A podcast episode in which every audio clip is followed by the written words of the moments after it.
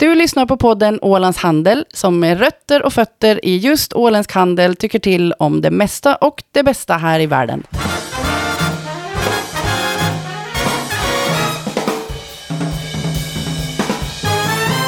Då säger vi hej och välkomna av, till avsnitt 127 av podden Ålands Handel. Jag heter Fredrik Rosenqvist eh, och med mig idag har jag Sia Spiliopolo Åkermark Ålands Fredsinstitut. Välkommen! Tack, tack, tack så mycket. Roligt att vara här. Ja, det är lite tungvrickare ditt efternamn men jag klarade nästan. Ja, alla, alla känner till mig som Sia. Det brukar räcka.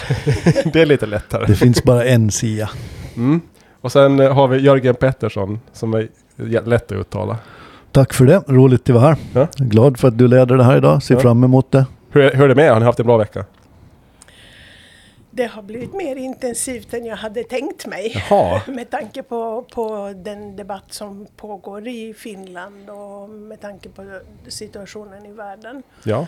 Men eh, det är vår, äntligen vår, så att på det sättet är det mm. positivt att man får se krokusar. Och... Ja. Och det är ju lite grann med anledning av den debatt som förs nu som du är här. Vi, vi och jag var, satt och funderade väldigt mycket på det här med, med NATO och, och Ålands demilitarisering och allt det där. Vi kan ju inte så mycket i den här podden, vi gissar ju mest. Så tänkte vi, då måste vi bjuda in en expert. Så då, då ringde vi dig, eller hörde av till dig. Och nu är du här och det är vi jätteglada för.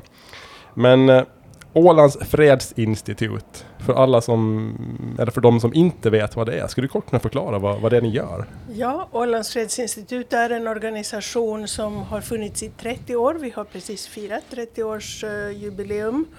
Och det är en stiftelse som är oberoende politiskt Ehm, och som jobbar med huvudsakligen tre frågor. Minoriteters ställning, självstyrelsearrangemang både för Åland men också komparativt och i olika delar av världen.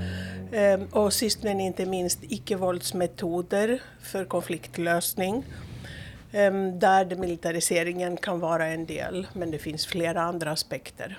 Okej, okay. hur många är ni som, som jobbar där? Eh, vi har 4,5 eh, tjänster och de är fördelade på sex personer för att det är Aha, flera okay. som inte jobbar heltid. Okej, okay, okay. ja, men, man... men, vi har en, en väldigt fin och, och mångsidig styrelse och, och ett rådgivande forskarråd. Så att det finns eh, olika kretsar kan man säga mm. runt Fredsinstitutet. Och du är akademiker i grunden? Eh, ja, de flesta som jobbar med, med den här typen av frågor har en, en akademisk bakgrund. Jag är folkrättsjurist och det kommer ni säkert att märka att, mm -hmm. att jag, jag kommer väldigt eh, mycket in från den juridiska infallsvinkeln. Mm. Och den menar jag också är väldigt viktig. Mm. Ni är ju på många andra ställen än bara på Åland. Ni, ni, ni syns ju lite överallt faktiskt i olika sammanhang. Ja, det är helt klart att vi på Åland inte alltid uppskattar hur viktig eh, Ålandslösningen är internationellt. Eh, det gäller mm, både platser i, i världen där det finns konflikter och där man inte behöver lära sig bara om ett exempel. Åland är ett exempel. Man vill gärna jämföra olika lösningar runt om i världen. Men också för eh, stormakter. Jag var alldeles nyligen i Cambridge och det är helt klart att britterna är intresserade av Ålandslösningen för många av de konflikter som idag pågår. Mm, okay. Ja, på tal om konflikter så för drygt ett år sedan så bröts ju en ganska lång period av, av fred i Europa eh, när Ryssland angrep Ukraina. Senast vi hade krig i Europa var väl kanske Jugoslavien då, eh, antar jag. Men ja, Ryssland gick till anfall. Vad, kommer du ihåg vad du tänkte och, och kände när den här nyheten kom? Den kom ju ändå ganska överraskande sådär, eh, fast man då hade lite på känn. Men Ja, jag, jag kommer mycket väl ihåg det för Ålands Radio ringde mycket tidigt om morgonen. Och, och, vad känner du nu och vad tänker ja, du nu? Precis. eh, och, och, jag kommer ihåg att, att eh, jag sa att jag känner sorg och ilska därför att vi inte har tid och råd med ännu ett krig vare sig i Europa men inte heller globalt sett. Samtidigt så tycker jag också att, att jag känner fortfarande att vi måste påminna oss att det finns och pågår flera andra krig runt om i världen. Um, och, och vi måste hålla en balans i hur vi hanterar dem så att vi är korrekta på, i det totala. Mm. Eh, jag blev lite rädd, kommer jag ihåg. Sådär. Blev du rädd? Eller var du mer så här akademisk? Nej, nej, jag, jag var inte rädd och jag är inte rädd nu heller. Men, eh, men det är helt klart att det är det man märker i den allmänna debatten. Ehm, en sak som jag funderar på, för jag, innan kriget började, så jag, jag trodde inte att Ryssland skulle göra någonting för att det, var, det verkar så ologiskt. De hade ingenting att vinna på tänkte jag, då kommer man inte göra det. Men sen gjorde de det i alla fall. Och sen dess har jag brottats lite grann med så här, varför gjorde Ryssland på det här viset? Varför gör man sådär? Har du någon bra förklaring på det här som skulle kunna lugna mina tankar eller? Nej, jag vet inte om det ska lugna dig Nej, på okej. något sätt. Snarare kanske tvärtom. Att, att jag tror att väldigt många vill ha en enkel förklaring. Mm. Vi vill ha en endimensionell förklaring som säger att eh, de tänkte så och de ska vinna det. Eh, Eh, men eh, min uppfattning, särskilt när man har följt den internationella utvecklingen under 30, drygt 30 år som jag har jobbat med de här frågorna, så eh, är jag övertygad om att orsakerna är väldigt komplexa. Och de är både interna, det vill säga den auktoritära riktningen i, i Ryssland, det faktum att det inte finns demokratiska spärrar i våldsanvändningen. Och det är någonting som vi såg redan i början på 90-talet. Vi hade enorm våld använt eh, mot um, Tjetjenien. Och Grozny jämnades med marken. Det är väldigt mycket av det jag ser i Ukraina som jag känner igen. Men då brydde vi oss inte särskilt mycket om det. Och det var få som reagerade skarpt på det våld som användes mot norra Kaukasus. Eh, och, och, så det finns väldigt många komplexa eh, aspekter internt. Men sen så har vi den internationella aspekten. Och där har vi sett att stormakterna och alla stormakter har visat en trend mot allt mer frekvent användning av våld utanför det egna territoriet. Ehm, och inblandning i andra staters angelägenheter. Så det är någonting som började redan, jag skulle säga i slutet av 90-talet. Det var väldigt få år av en eh, öppning som vi hade i början på 90-talet. Och sen har vi förlorat det. Och, och sen olika analytiker kan lägga olika stor vikt vid till exempel Kosovo-fallet eh, och, och hur västvärlden hanterade det, eller Irakkriget och så vidare. Det viktigaste är att säga att alla bär ett visst ansvar i den utvecklingen. Och då måste vi också dra slutsatsen att vi måste tillsammans se till att vi kommer tillbaka till en restriktiv syn på våldsanvändning. Mm. Så det här med att, eh, utan att peka finger, det här med att USA valde att gå in i Afghanistan och, och Irak och sådär. Det, det kan på sätt och vis ha krattat manegen på det här också. Att det liksom synsättet har förändrats på något sätt. Då, eller? Hur ska man? Um, Det var kanske en dålig sammanfattning av det du sa det där. Men... Ja, jag, jag, tänk, jag lyssnade nyligen eh, på, på en väldigt fin analys av eh, Irakkriget eftersom det var nu eh, 20 år sedan kriget eh, startade. Eh, och, och det som är uppenbart är att lögner i, i det internationella samtalet lönar sig verkligen inte i det långa loppet. Ehm, och eh, analytikerna säger att det kommer tillbaka som en negativ boomerang nu mot, mot väst. Så det här med att förklara det med att eh, Putin är, är, galen och han gör det här, liksom, det är för enkelt. Gör det för enkelt för sig. Liksom. Det kan han vara också. Ja, det kan han vara. Det ena utesluter inte det andra. Nej, exakt. Det, det är väldigt komplext och det gäller därför att göra kontinuerliga omvärldsanalyser. Vi måste göra det här på Åland, Finland måste göra det som stat eh, och, och vi tillsammans måste göra det i det multilaterala samtalet. Mm um, du sa att du inte uh, var rädd och, och är rädd uh, på grund av det som har hänt. Men hur skulle du säga att säkerheten i uh, främst Östersjön då har påverkats av, av det här kriget? Har vi blivit mindre säkra och har osäkerheten ökat eller är inte skillnaden så jättestor? Jag tror att det är precis så som du sa Fredrik, att vi är mera rädda. Vi uppfattar oss som mera rädda. Och jag tycker att jag ser det väldigt tydligt i, i den allmänna debatten. Vi talar som om kriget är redan här. Um, och det är oerhört viktigt att vi är försiktiga, vi ska inte vara naiva, vi ska vara beredda. Ehm, men samtidigt så måste vi tänka att vi i Finland har haft en långsiktig utrikespolitisk linje. Och din, den utrikespolitiska linjen har byggt på tre saker. Det ena är att hålla landet utanför krig med tanke på de väldigt svåra eh, kostnader och, och, erfarenheter som Finland har. Det andra att säkra handlingsutrymme, det vill säga att inte låsa sig för hårt i en krets, en, en linje. Och det andra att värna om rättsstaten och de internationella avtalen. Mm. Och de tre sakerna har bestått under väldigt lång, väldigt lång tid. Eh, jag skulle säga redan före kalla krigets slut. Och det gör man genom en aktiv diplomati, eh, ett starkt territoriellt försvar och det gör man genom att utnyttja maximalt möjligheterna i internationella avtal. Mm. Ehm, så, så jag tänker att eh, om, om vi, vi måste acceptera att vi är rädda, för det är en helt mänsklig och bra egenskap att vara eh, kritisk till det som händer omkring och förbereda sig. Men vi måste också tänka på hur ska vi utnyttja den kompetens som finns och den erfarenhet som finns i Finland. Mm. På samma gång kan ju rädsla vara farligt. Alltså rädda personer kan ju ofta göra farliga saker. Sådär.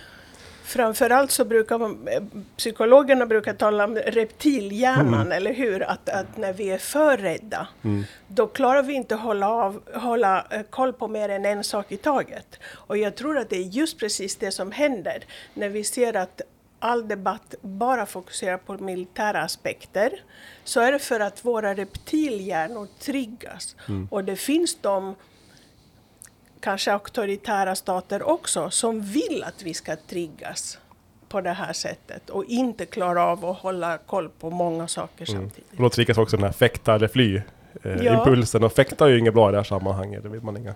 Hur, hur viktiga tycker du CIA är, är institutionerna i de här demokratiska samhällena då som vi lever? Vårt perspektiv är jättedemokratiskt för vi har varit vana vid det så länge. Uh, I Amerika som jag tycker att det är både bäst och sämst på väldigt många sätt. De har en välutvecklad demokrati, de har en maktbalans. De lyckades ändå välja en galen president, vilket var rätt konstigt. Men så här i efterhand så verkar det som att institutionerna håller på att rädda upp det på något sätt. De försöker lagföra honom på olika sätt och det, det verkar fungera. Alltså domstolsväsende är okej, okay, man har en lagstiftande makt, en verkställande makt och alla de där utgör på något sätt säkerhet i sig själva, men det verkar saknas i, i Ryssland om man uttrycker det rakt. Ja, det är precis det som är en auktoritär stat, att det inte finns eh, checks and balances, mm. som man säger, att det inte finns kontrollmekanismer. Och det som jag tycker är, är, särskilt intressant precis nu när Finland går in, är inne i NATO, det är att vi har flera andra stora globala frågor. Klimatfrågorna, Eh, biologisk mångfald, ehm, frågor om eh, handel och restriktioner i handel som Peter Wiklöf tog upp på Kastelholmssamtalen, mat och vattensäkerheten som eh, jag tror kommer att bli den stora frågan i framtiden. De frågorna är alla icke-militära frågor i första hand. Det betyder att vi kan inte lägga alla våra ägg i en korg. Samtidigt eh, har vi en helt ny situation i Finland eh, vad gäller den demokratiska kontrollen av väpnad makt. Därför att vi nu har, är en del i en militär allians samtidigt som de gamla instrumenten i grundlagen och i lagstiftningen för besluten inte är fullt anpassade. Mm. Så jag tycker som jurist så tycker jag att det här är en jätteintressant och viktig fråga där vi knappt har börjat diskutera, precis som, som du är inne på Jörgen. Hur ska vi utöva demokratisk kontroll och ha insyn i militära allianser och när, eh, när det väpnade våld, våldet både internationaliseras samtidigt som det privatiseras. Vi har användning av många privata entreprenörer inom säkerhetsbranschen och det digitaliseras. Mm. Det där gör ju också för institutionerna, om man nu tar USA igen, de verkar ju fungera på ett hyggligt sätt i det landet, för där förekommer inte krig och det är inte ens nära, även om det finns enstaka händelser som är läskiga såklart. Men USA har å andra sidan inte dragit sig för att just anfalla Irak då när det begav sig. Det var som att, att de, de här institutionerna fungerar på hemmaplan men i utlandet gäller andra regler. Jag tyckte att Netta Crawford som deltog i Kastelholmssamtalet eh, formulerade det väldigt intressant. Och det är att det har skett en långsam förskjutning av tanken om självförsvar från att vara ett eh, i USA, för hon är USA-expert, det är inte jag. Em, att det har skett en för, förskjutning från att vara ett defensivt territoriellt försvar till att vara ett mer, allt mer offensivt extraterritoriellt. Mm. Eh, och det är förstås problematiskt för USA också i längden. Och det är väl den, eh, den storyn Ryssland säljer internt till sina medborgare, att de gör det här i självförsvar. De är hotade av Jo. det som händer i Ukraina, därför måste de försvara sig Jo, genom att göra precis. så här. Så det, Trots att det är totalt ohållbara Ja. och vi vet alla att det där är det olagligheter. det var flera som jag kände, eh, så här bekanta och vänner och sådär, som, som firade med, med champagne när, när Finland gick med i NATO. Nu, man liksom, nu har vi kastat av oss den här Mm. liksom, arvet från Ryssland sist och slutligen och gjort det här brottet. Eh, Firar du med champagne eller, eller, eller grät du en skvätt? Alltså, hur, hur kände du för det här NATO-inträdet? Var du Mm. glad eller ledsen eller ingenting? Eh, ja, lite mittemellan.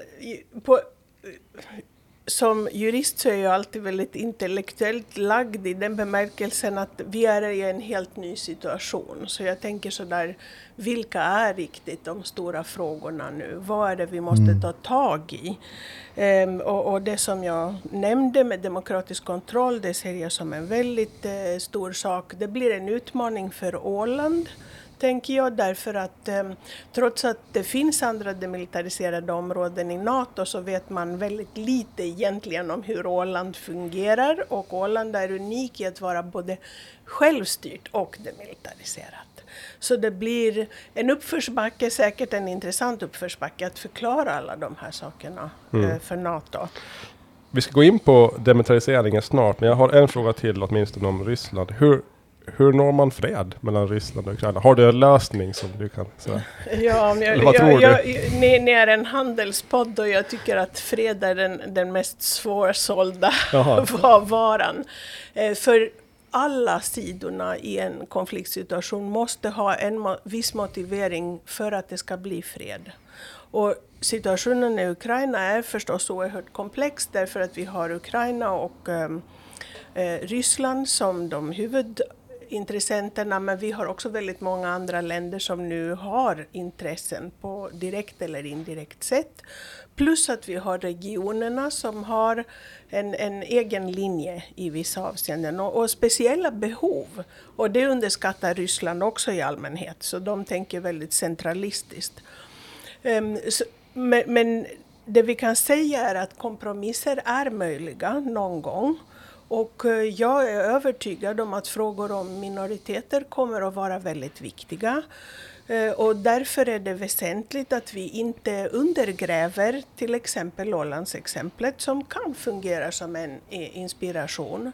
Men också det arbete som görs inom Europarådet till exempel med, när vi pratar om institutioner kring minoriteter eller, eller högkommissarien om nationella minoriteter. Vi måste utnyttja de möjligheterna.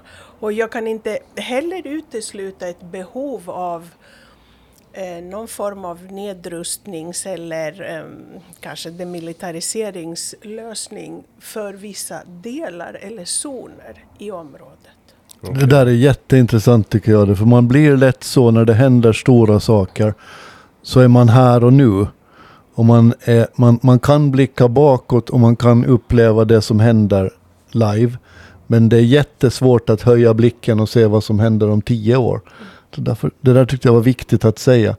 Att, att vi, vi, det kommer ju en tid efter det här också. Någon gång. Och då gäller det att vi är så starka som möjligt. Då. Ja, det, och vi kommer att behöva fortsätta stödja Ukraina även efter kriget med ett massivt äh, återuppbyggnadsprojekt äh, av äh, minering som kommer att vara ett jättestort problem. Det vet vi från Jugoslavien. Det är fortfarande en, en svår situation. Men vi måste också tänka hur ska vi förhålla oss till Ryssland i framtiden? Eh, var, kanske vara lite självkritiska. Vad gjorde vi rätt, vad gjorde vi fel i början på 90-talet? Var svängde det? Mm. Ja, det sväng, för det svängde ju. I slutet av 90-talet så såg man väl Ryssland att de var på väg in i den demokratiska världen och Mm. vi liksom knöt man den närmare. Sen svängde det någonstans där. Mm. Men intressant att så här, hur ser vi på Ryssland i framtiden och ryssar? Nu känns det som att de kommer att vara parior för evigt. För, Mm. öv, liksom för evigt i Europa, att vi kommer aldrig mer. Mm. Men å andra sidan om man ser på Tyskland och, och eh, Serbien och sådär, där har man ju liksom glömt att gå vidare på något sätt. Mm. Så att det är väl Jag, jag läste nyligen Eisenhowers eh, tal Atoms for Peace från 1953, det är exakt 70 år sedan. Och det var en väldigt svår tid och då, då säger han eh, specifikt att we will never eh, talk of the Russians as an enemy that we will never deal with. Ja. Eh, och jag tänker att ja, då Eisenhower förstod vissa saker, att vi kan inte låsa alla dörrar. Nu ska vi vara kritiska, nu ska vi stödja Ukraina, nu ska vi ha sanktioner mot Ryssland. Men vi kan inte stänga alla dörrar, särskilt inte ett land som Finland som kommer att ha Ryssland som granne i all framtid så långt vi ser. Jag måste ta en fråga på uppstuds här. Det här med att eh, bland annat Vladimir Putin då, de har utfärdat en arresteringsorder mot honom. Alltså den här brottmålsdomstolen. Mm. Det gör det ju svårare för honom att resa. Och jag antar i teorin svårare att nå någon sorts eh, dialog och fredlig lösning. Så är det emot det eller var det bra? Eller hur ska man se på det där Ehm, riktigt? jag, jag, jag tycker att det är väldigt bra att man valde barnfrågan för jag tycker att det är väldigt intelligent att, att välja just den. Ehm, jag tror kanske eh, att det är svårt just nu att uppnå förhandlingar med Putin. Han är Ändå, inte ja. lagd, Ja. ja. Mm. att det inte gör vare sig till eller från. Nu ska vi prata en, eh, en aktuell fråga och eldfäng minst sagt. Eh, Jag upplever det som att ungefär när bläcket hade torkat på, på Finlands NATO-ansökan så av någon anledning så började alla prata Åland då i, i Finland och delvis i Sverige. Uh, vi har den här, han, uh, han avgående generalmajoren nu, Pekka Toveri. Han ska väl gå in i riksdagen nu som man kallar uh, demilitariseringen för en historisk kvarleva. Han tycker inte alls om den. Eh, och sen har även han har Joakim Paasikivi som har blivit den här personen i Sverige som alltid uttalar sig. Han ser också ett problem med då att ordna demilitariserat, att Finlands eh, försvar inte får, får öva här. Och det här lyfts i en massa olika sammanhang och det kom till och med upp igår när presidenten höll tal. Han nämnde demilitariseringen och gav lite eventuellt dubbla budskap och sådär.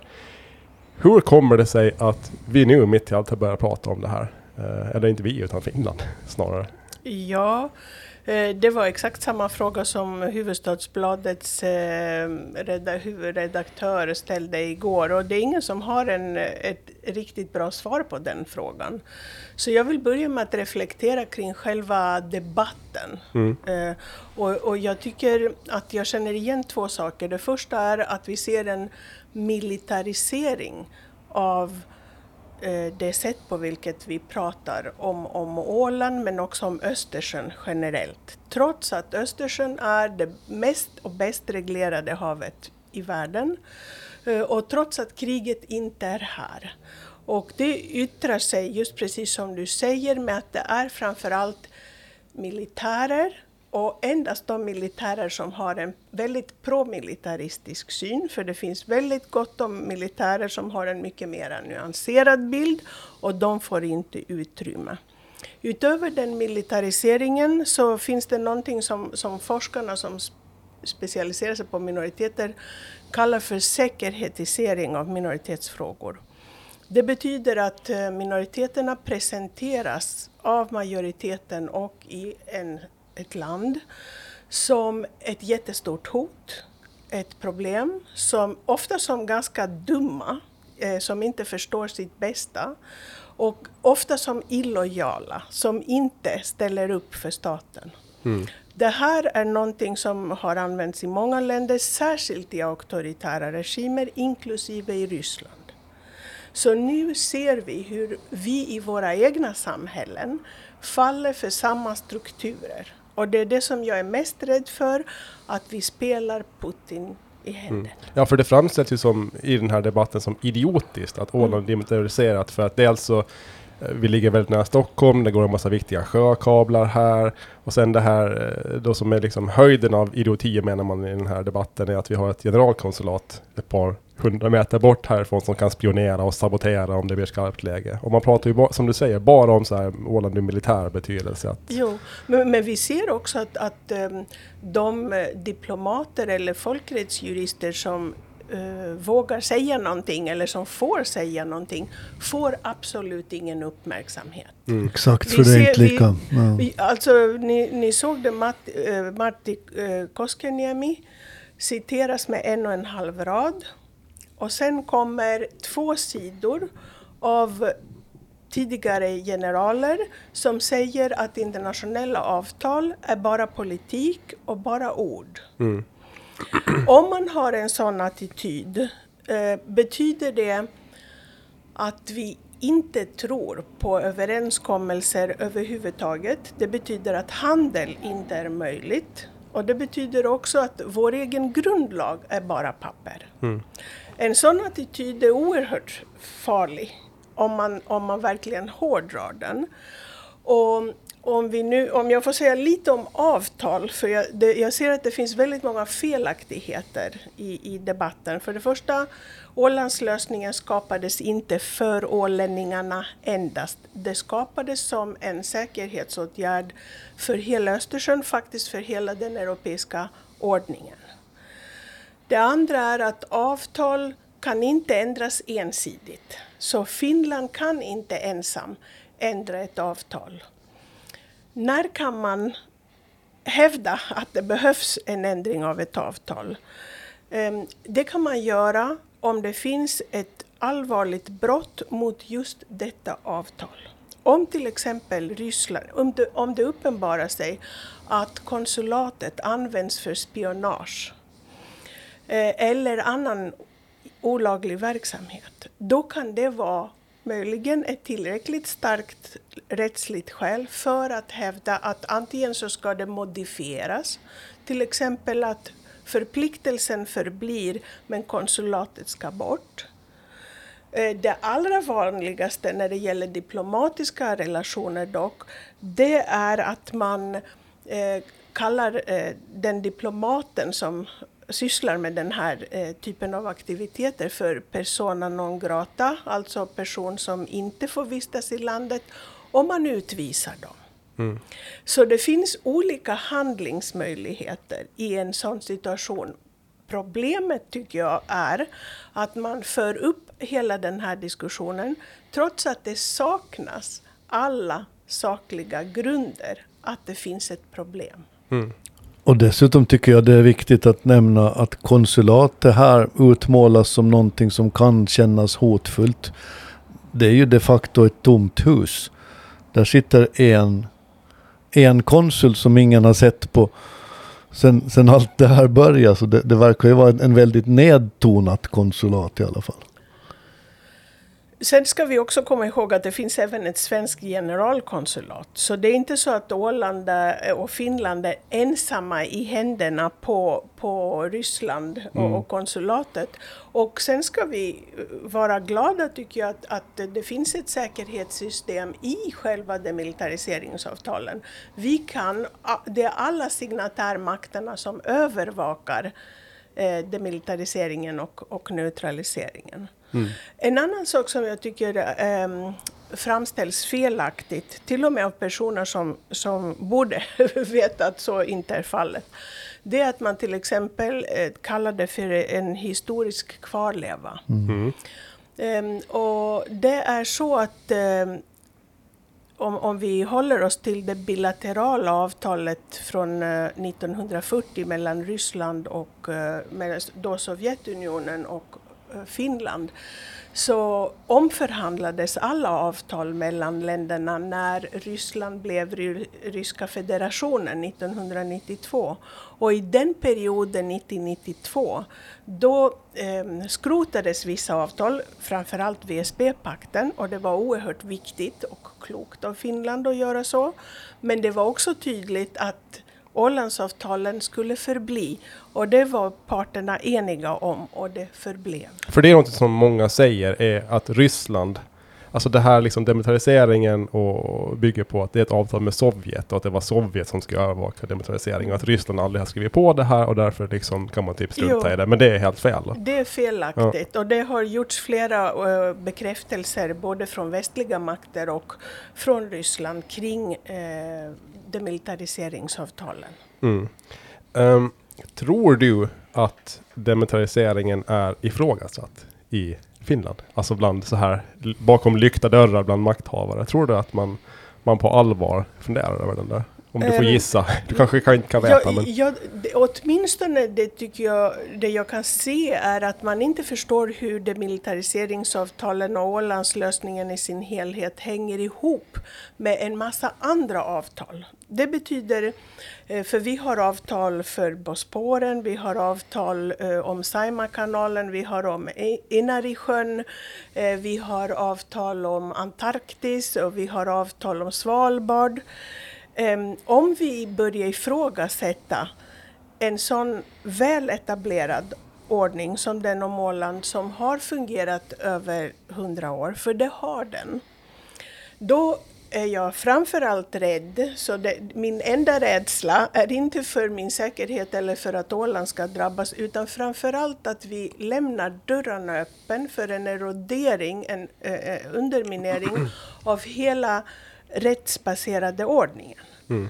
Eh, Och det gagnar inte småstater och ännu mindre minoriteter. För det är, och det gagnar definitivt inte handeln. För handeln vill ha kända kort eh, och, och stabilitet. Och en sån otrolig osäkerhet som det blir, vad, vad är det som gäller, vilka avtal gäller, det är förödande. Mm. Vad tänker ni om det Sauli Niinistö sa igår när han tog upp, eh, alltså rikets president, när han tog upp Åland och, och demilitariseringen? Ja, ja, jag har en hypotes. Ska jag dra den genast? Ja, kör du du, jag kan Så här, sen- vad, vad, vad är det säkraste tecknet eh, på att en fotbollstränare i Italien håller på att få sparken? Det är att styrelsen eller presidenten går ut och säger Tränaren sitter fullständigt säkert. Då vet man att okej, nu kommer han att, att ryka väldigt fort. Jag gör lite grann samma tolkning. När Sauli Niinistö säger att demilitariseringen sitter säkert. När han behöver gå ut och säga det. Det to- tolkar jag som ett tecken på att någonting är lite, eh, alltså det är lite fara och färde. Är jag paranoid tror ni? Jag vet inte vem som skulle ha intresse Nej. e- e- egentligen internationellt. Eh, Jag tror att de som har mest intresse det är de auktoritära staterna, Ryssland och Kina, som Jag vill tror- verkligen se en, en em, urholkning av internationella avtal. För att Åland är en så liten zon och som många militära bedömare också har sagt att den militära teknologin idag är så avancerad att territoriell närvaro i ett så begränsat område som Åland är väldigt, av väldigt litet värde och betydelse. Det är inte samma betydelse som det var förr. Att, Mm, nej. Nej. Men, men frågan är om den militära mentaliteten som ändå råder inom NATO Mm. tillåter att diplomatiska och juridiska aspekter också vägs in. Mm. Och det är därför jag återkommer igen och igen till var står Ålands, eh, Finlands långsiktiga strategi om tre pelare? Kommer de andra pelarna att helt eh, försvinna till eh, fördel för endast militära responser? Mm. Jag fick nog intrycket av att han mera ville stabilitet. Han ville helt enkelt lägga locket på allt det som händer. För det, det är ju precis som Sia säger. Det, skurkstater vill ha kaos. Skurkar vill ha kaos. Det är det som de får sin näring ur. Det där ser man överallt i världen egentligen. Ju mer kaos desto bättre för de som helt enkelt vill förändra eller vill göra någonting. Och jag fick uppfattningen att Niinistö ville säga det här för att igen understryka att det här är viktigt för Finland. Jag kan möjligen tycka att hans avslutande ord var lite sådär att det här var under rådande omständigheter och att allt allting såklart kan förändras. Men det tolkar jag som att han mera sa för säkerhets skull. Så jag skulle nog säga att det var ett starkt tal för Ålands del och, och jag tror att du är lite paranoid jo. Jaha, ja. och, och, och, om jag får följa lite, jag, jag tolkar det också det som så att som president och, och, statsledare så vill han behålla initiativet i sina händer och i regeringens händer. Och då vill han tydligt signalera att eh, det här är en viktig fråga för Åland, som Jörgen säger, men vi håller koll på det här. Mm. Ja, sen, så vi, gör, vi utvärderar den och det är just korrekt för att det är endast statsledningen som har den fulla bilden av både det militära eh, diplomatiska behoven globalt och de rättsliga aspekterna. Det, det är egentligen endast statsledningen och det tyckte jag var också bra i NATO-processen om man, om man ska se några lärdomar att det inte blev en folkomröstning. Eh, därför att det är statsledningen och riksdagen som har den samlade bilden av vad som är möjligt och vad som är klokt. Mm. Och medborgarinitiativ i utrikespolitiken känner jag som ett extremt trubbigt instrument. Ja. Jag tror ändå så här, min, min bild av människor är att människor är väldigt enkla, i synnerhet män. Så jag, jag föreställer mig liksom gäng militära män som sitter i Finland och tänker det skulle vara så himla roligt att få öva på Åland och köra runt här med våra fordon och våra båtar. Och men jag får, jag, jag, du tog faktiskt det där ur min mun ja. nästan, eftersom jag, jag satt just och tänkt på en könsspaning. Det, det händer inte att en kvinna ställer sig upp och säger att mm, hur är det med den här demilitariseringen egentligen? Det är ju faktiskt bara cowboys tänkte jag ja. säga som, som ger uttryck för de här. Ja, det är lustigt det där. Och sen om man går igenom vem som jobbar på Fredsinstitutet. Ni är nästan bara kvinnor tror jag va? Eller? Det är kanske en slump men... Ja, vi har, uh, vi har män men eh, de är färre. Och ja. då, det kan jag säga också att det är en, en generell trend inom branschen som jobbar med fredsfrågor och mänskliga rättigheter och folkrätt. Mm att vi ser ett eh, starkare intresse och bättre prestationer. Jag vill gärna rekrytera män. Men de är för kassa? helt enkelt så är det så att kvinnorna är mer meriterade och ja. uh, också mer motiverade. Ni måste börja kvotera in män snart. Vi har lite svårt med det där. Men nu säger ja. det ju någonting om, om vår värld det här att män startar krig och kvinnor bygger fred. Ja. Om man är lite generaliserande. Nu ska man inte vara det men, mm. men det är svårt att låta bli. Det är därför det är bra att Finlands utrikespolitik under lång tid, Sveriges också, har eh, haft eh, kvinnors ställning i fredsprocesser som en viktig fråga. Och vi ser inte många sådana initiativ vad gäller uh, den nuvarande processen. Mm. Uh, när jag lyssnar på de här uh, vapengubbarna, det är oftast gubbar som pratar om det här, när de liksom, nu pratar de om det här när typ det blir krig mellan Ryssland och, och, och, och, NATO. Då kommer det bli en, en kapplöpning till Åland där Finland och alla andra kommer bara sätta gasen i botten. Alla ska flytta hit så mycket militära liksom, installationer och, soldater och, bomber och granater som, som möjligt. Det här känns ju väldigt otryggt som ålänningar om det blir så här då, när det, om det blir krig. Men jag gissar att du anser att demilitariseringen tvärtom gör oss tryggare. Varför är det så? Liksom, varför blir vi tryggare av att vara demilitariserade? Både vi och, och hela resten av Östersjön. Sådär. Kanske en dum fråga, men man måste ju få komma sån också, tänker jag. Jag tycker först och främst att eh, krig är mycket mer kostsamt och mycket mer plågsamt än fredar. Eh, och jag har själv barn och förstås så vill jag se till att vi ska ha en värld som är fredlig så att de kan ha tiden att lösa de problem som min generation inte har klarat av att lösa. Eh, när det gäller klimatfrågor, när det gäller allt det som jag nämnde tidigare. Ehm, ehm, och det, då tänker jag att vi behöver verkligen ett brett spektrum av olika lösningar. Vi kan inte ha en enda palett med en enda färg för att måla en värld som ser så otroligt olika ut. Eh, och då behöver vi territoriellt försvar. Jag är inte radikal pacifist. Jag anser att, att rätten till självförsvar är viktig eh, och ska användas klokt och vi kan göra mer samordning så det finns saker att göra där. Eh, jag vet också att det finns väldigt många väldigt kloka militärer som vet att det är deras liv som står på spel först och främst. Eh, och som är återhållsamma och väldigt eh, rättstrogna, vill följa de regler som finns. Så de här människorna som förespråkar att vi ska avvika från alla avtal, att krig och militära medel är bättre, Eh, det är sällan de som kommer att offras mm. först och främst eh, när situationen skulle kunna bli skarpare. Mm. Och när jag ser alla de besök och alla de förfrågningar vi ser från hela världen så är jag övertygad att det finns behov av positivt hopp och olika exempel där vi inte framställer Åland som någon sorts idealiskt paradis, för det finns många problem också mm. här som, som vi kan diskutera en annan gång. Men som säger att icke-våld är bättre än våld. Och att det går att kombinera ett um, defensivt territoriellt försvar med olika lösningar för olika minoritetssituationer. Så Finland, jag, jag, hoppas och vill och verkar så mycket som möjligt för att Finland ska stå fast vid sin eh, rättsstatsprincip, både när det gäller grundlagen, svenska språkets ställning, men också eh, avtalen som gäller Åland. Mm. Det håller vi alla med om tror jag. Vi nickar i samförstånd. Det var jättebra ja. sammanfattat. Ja, för det, det som du, du nämnde där, det var egentligen det som hände i USA då när man hade eh, upploppen mot, mot Kapitolium och sånt här. För då var upphovsmannen inte där själv.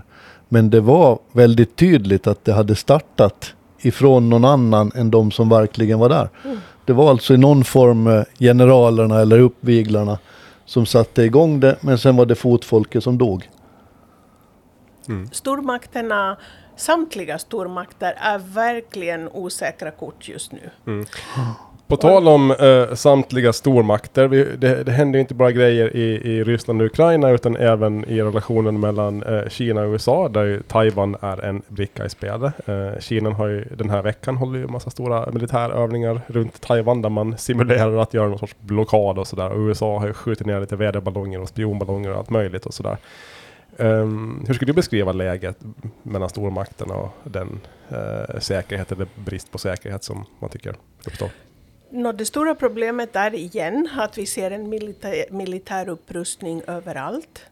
Uh, och vi ser en, ett ifrågasättande av multilateralismen, det vill säga att flera stater samtalar med varandra och de diplomatiska förhandlingarna kan leda till institutionaliserade lösningar.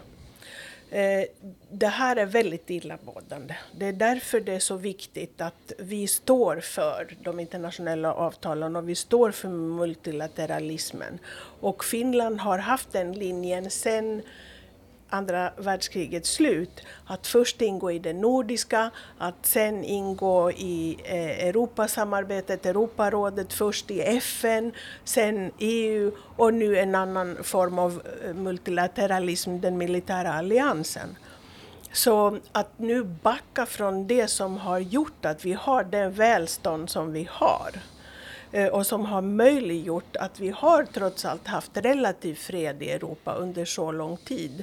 Det tycker jag är, är väldigt märkligt. Ehm, det som är svårt för väst just nu är att vi kan inte låsa in oss för mycket i oss själva.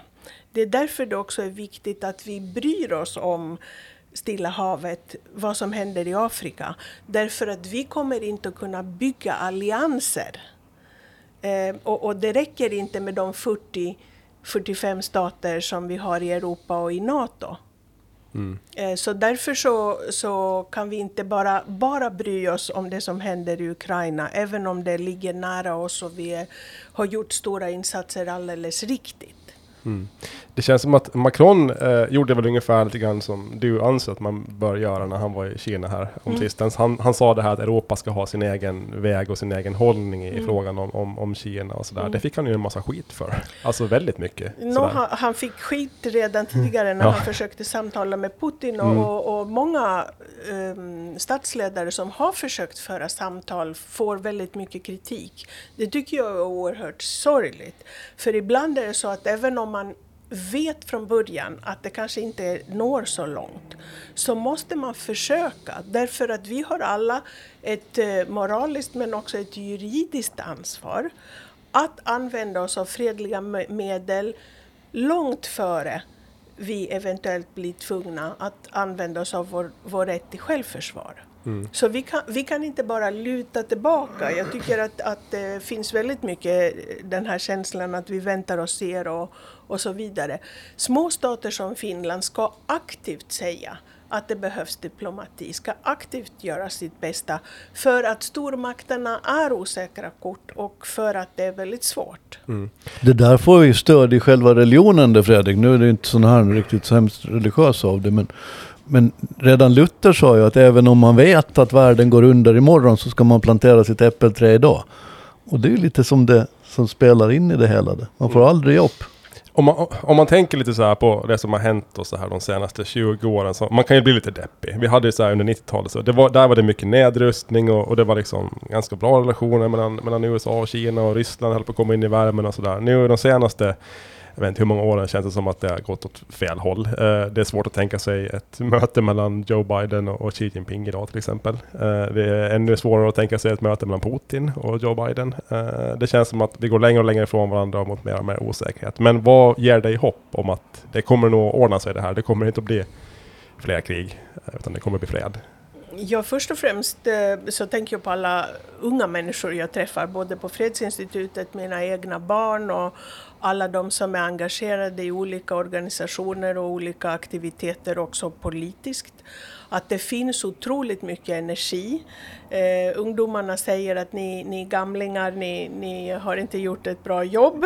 Vi kan göra bättre. Mm, ja, ja. Eh, och, så det tycker jag är eh, jätteviktigt och, och jätteintressant. Ehm, det andra är att eh, jag märker nu att folk inser hur viktig freden är. Mm. Och att vi inte kan ta det för given.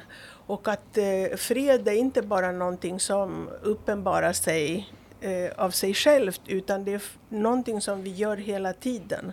Så jag uppfattar att Fredsinstitutet har fått eh, förstås kritik eftersom vi förespråkar fred som några menar är orimligt. Men vi får framförallt oerhört mycket nytt stöd från mm. olika håll, oväntat håll också. Ja, det, ja. Eftersom det egentligen är den enda vettiga lösningen. Sist och slutligen. Jo, så är det. I det långa loppet så är det så.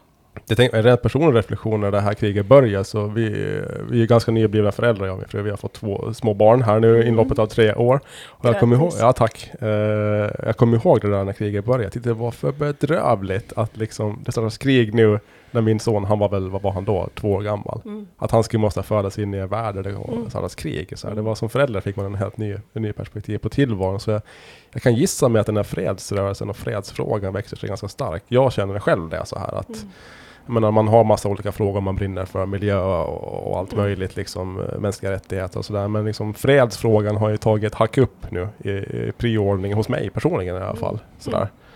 Så, så, är det, eh, samtidigt som vi ser eh, populistiska krafter i många länder som innebär att det civila samhället begränsas, mm. även i väst. Oh, ja. eh, så, så mm, jag tror att det kommer att vara ännu intressantare att jobba. Jag gillar att, jobba i motgångssituation. Det, det, är det givna fältet för en jurist. Att det, det ska inte vara så enkelt, annars så behövs ju inte mm. Eh, arbete och kloka tankar. Eh, men det som också är väldigt intressant är att det uppstår nya samtal. Sådana samtal, jag har samtalat med militärer oerhört mycket mera under senare tid. Och, och, jag tycker att det är väldigt kloka och bra tankar som många militärer, inte de som, som förekommer så mycket i media tyvärr, mm. eh, har. Så, så jag vill hoppas att de här samtalen som nu uppstår leder framåt och förstås så är det en helt annan fredsrörelse som växer fram. Just på grund av att globaliseringen samtalet idag är verkligen globalt mm. och samtalet präglas av vår oro för hållbarheten eh, och, och, också för, för sådana saker som mat och vatten. Mm. Bra, uh, vi närmar oss snart vägs ände. Jag har en fråga som ja. jag inte tycker att vi har berört riktigt. Och det ska, jag ska gärna höra Sias synpunkter på det. För när vi gick in i NATO-processen, det var då nästan samtidigt som uh, kriget startade. Eh, då vände sig Finland till, till USA och det var där det började, gissar jag. Eh, åtminstone från utsidan sett, kanske hade det pågått tidigare. Men under den här processen så har Finland analyserats in i märg och ben. Mm inte bara av USA utan av alla andra medlemsstater också. Man ser problemen som man har haft i Sverige. Där i vart fall jag trodde att Sverige skulle vara en enkel match och Finland lite svårare men det visade sig vara tvärtom. Under hela den här processen så har Åland egentligen inte nämnts. I vart fall inte publikt. Kanske hade gjort det runt samtalen vid borden. Men det får mig att tänka att då borde ju demilitariseringen och neutraliseringen av Åland som exempel egentligen vara starkare idag än tidigare. Niinistö touchade på det i sitt tal och jag tycker att han har helt rätt. Vad, vad är din analys kring det? Ja, jag delar din analys. Eh, även formellt är det så. Därför att den eh, fjärde, tror jag det var, juli 22, då var utrikesministern till Bryssel och han hade med sig Ehm, Finlands formella ansökan till NATO. Eh, och då ingick också en presentation om eventuella problem och han var eh, explicit med att säga att han såg inte några konflikter mellan Ålands ställning och Finlands eh, medlemskap i NATO. Och det var absolut ingen som protesterade. Eh, och, och, I och med jag har redan talat om Svalbard, Antarktis och, och Bosporen så det, NATO vet att det finns sådana situationer och man kan hantera dem. Så min uppfattning är att det inte finns en, ett behov eller en vilja från NATO att ifrågasätta. Det skulle också se väldigt märkligt om den jättestora eh, Goliat skulle komma och, och trycka ner på lilla David, lilla Åland Mm. så att säga. Om, nu när du var inne på religiösa metaforer, eh, Jörgen. Eh, Så eh, NATO-stadgan själv säger att man ska respektera folkrätten och man ska respektera FN-stadgan. Och jag tror att skulle NATO ifrågasätta avtalen ehm, och Ålands ställning nu så skulle det bara bekräfta och förvärra den retorik som Kina och Ryssland lanserar i omvärlden om att NATO är bara skurkar och bara bryr sig om sin militära dominans. Så det tror jag inte finns. Eh, Utan dynamiken vad gäller kritiken om Ålands ställning, den är nog väldigt begränsad. Precis som ni sa, ett fåtal eh, individer som driver starkt och blåser upp negativa stämningar och militarisering. Mm. För om det hade varit ett verkligt problem för NATO, då hade de sagt någonting innan. Alltså, de har ju full koll Ja. på Östersjön och dess säkerhet liksom. Och Ja. Ålands status. Så att, Ja, och, eh, Storbritannien och Frankrike är de ursprungliga signatärmakterna 1856 och de är fortfarande bundna mm. eh, gentemot eh, Ryssland. Mm. Och sen är ju NATO också i någon mening väl egentligen en fredsorganisation. Det är ju inte en krigsorganisation i alla fall. Man, man har väl ändå skapat den för att man någonstans är ute efter fred. Ja, det ursprungliga målet är så och stadgan är sån. Eh, sen har praktiken under senare tid varit lite mer komplicerad. Mm. Ja. Nej men NATOs mål är väl inte att lägga under sig hela världen med våld åtminstone. kan vi väl vara eniga om. Bra, ska vi gå över på veckans hyllningar då? Eh, Jag vill bara säga att jag tycker det har varit jätteintressant. ja man har fått fundera lite grann. Jag helt trött i huvudet och sitter och funderar på svåra ord här. Du kan förstå hur trötta vi är varje Ja, dag. ja, ja. Höjer den intellektuella nivån på podden, det behövs. Ursäkta Ja. nu, jag, för, jag försöker förklara det så enkelt som Ja. möjligt men samtidigt så tycker jag att det är en poäng att förstå att Ålandslösningen är inte en enkel match. Nej, nej, nej. Att, och då måste vi hantera den med den komplexitet och vi måste anamma att livet är komplext och vi kan inte ge enkla lösningar. En Mm. bomb räcker inte. Nej. Och det här är så jättevärdefullt för man, för man blir ju sån här ibland i dessa, dessa världar av, av online media och allt vad det händer så, så vill du ha svar direkt och du vill gärna ha en enkel lösning men det är ju inte så. Ja, det Livet så här, är ju komplext. Åland är fantastiskt, det finns inga problem. Putin är en skurk, han har inga goda Precis. sidor. Och Det är sen liksom- finns det ingenting annat. Och Nej. det är ju jättedumt. Och sen går man in på Aftonbladet och så läser man nu har Putin testat ett nytt kärnvapen. Jaha. Så, det, det, sådana nyheter kommer ju hela tiden nu. Ja. Och så har han Men- cancer och så är det någonting annat. Och det. Men, men, men vi behöver också fler samtal och, och den här handelspodden Mm. bidrar till det och Kastelholmssamtalen är en annan form. Och vi behöver väldigt många samtal just för att världen är svår och, ganska mörk idag. Mm. Och, och ännu viktigare tror jag att det är att vi för sådana samtal hemma och med ungdomar omkring oss. Att, att, att man verkligen förstår att det har nog varit svårt förr, för det har Mm. det. Jag är uppvuxen i, i Greklands diktatur så det var svårt på, i början på 70-talet. Jaha, ja, ja, det kan jag tänka mig. Eh, och, och mm, det är bara att, att ha sin linje och stå för den och, och veta vad som är korrekt. Och att man inte bara kan vara korrekt med vännerna. Mm. Utan man måste också vara korrekt med de som man kanske tycker mindre om. Mm. Sen, tar, sen krävs det att man tar sig tid och, och, och pratar om sådana saker lite längre. Som vi gör nu ungefär en timme sådär innan man Mm. kommer fram till sådana saker. Om man är väldigt så kort och snabbt och klick och då blir det Mm. ju lätt sådär. Jag tycker om metaforerna också med, med idrottsrörelsen. För där är det faktiskt så att den som är din värsta fiende, så är egentligen din bästa vän. För det är den som eh, inspirerar dig att försöka lite hårdare. Det är kanske ganska långt kast däremellan, men Ja. någon slags tröst finns det där. Jag vet inte om jag är beredd att gå så långt. Nej. Bra. Nu, nu tar vi veckans hyllningar. Det kommer flera liknelser från Bibeln och idrottsvärlden och allt vad de, de heter. Sia, vem, vem eller vad vill du ge en extra eloge till den här veckan just? Ja, att jag, jag hörde den här intervjun med Hans Blix nyligen om Irak. Och, och han är en mycket gammal gubbe nu, han är över 90 år. Um, han gav intervjun för SIPRI, Stockholms internationella fredsinstitut, och den finns på nätet. Och han beskriver sju minuter drygt sin roll Eh, som chef för UNMOVIC, det vill säga den civila övervakningsinspektionen av vapen i Irak, just före kriget i Irak 2003. Eh, och det är en oerhört klok och väldigt enkel och fin. Han klarar av det bättre än jag för han använder inte många svåra ord. Ehm, och, och, och han säger så klart och tydligt att det är de civila institutionerna och de civila verktygen vi måste utveckla. De behövs fortfarande. Så trots att han beskriver den här tomheten som han kände då 2003 när det blev krig i, krig i Irak, så säger han idag 20 år senare, vi måste fortsätta jobba för de civila verktygen. Ja, han Så var ju en riktig världsstjärna där när det begav sig. Tyvärr Ja. så fick han ju inte, han vann ju inte den.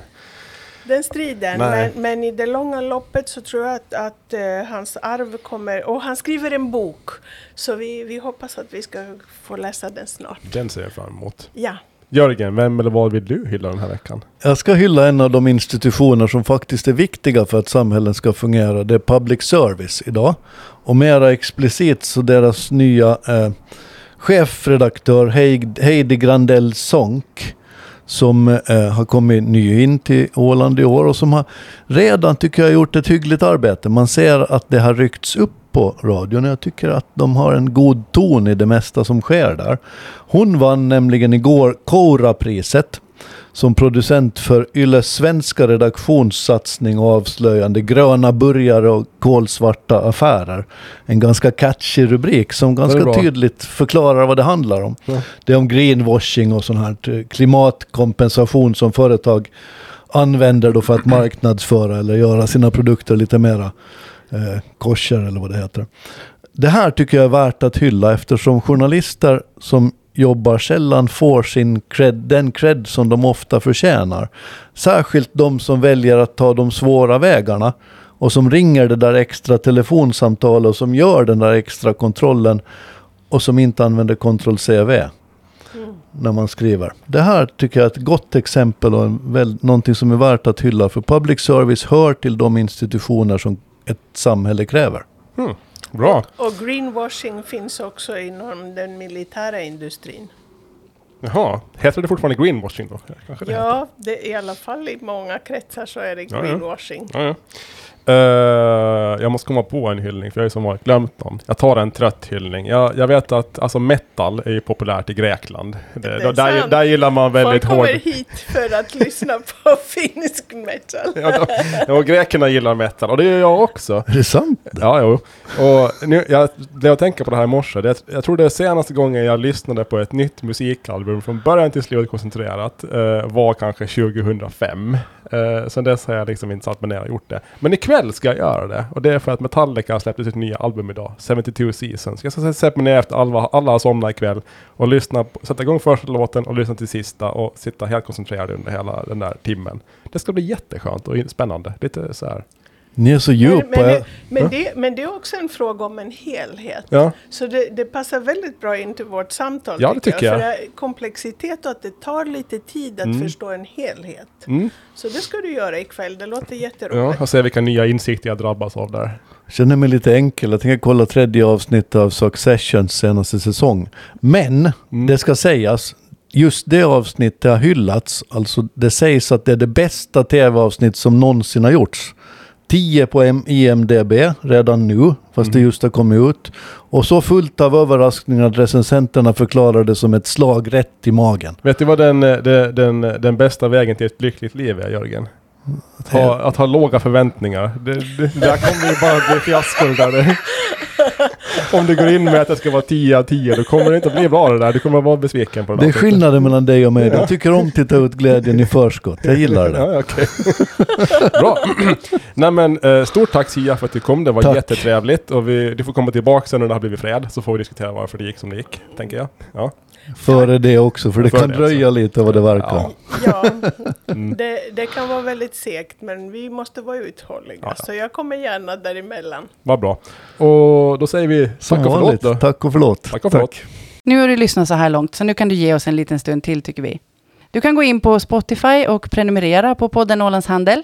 Eller på Podcaster, där kan du göra samma sak. Där kan du också ge oss betyg och skriva recensioner, det tycker vi om. Och sen kan du förstås gå in och titta på vår hemsida ålandshandel.ax. Och så hörs vi nästa vecka.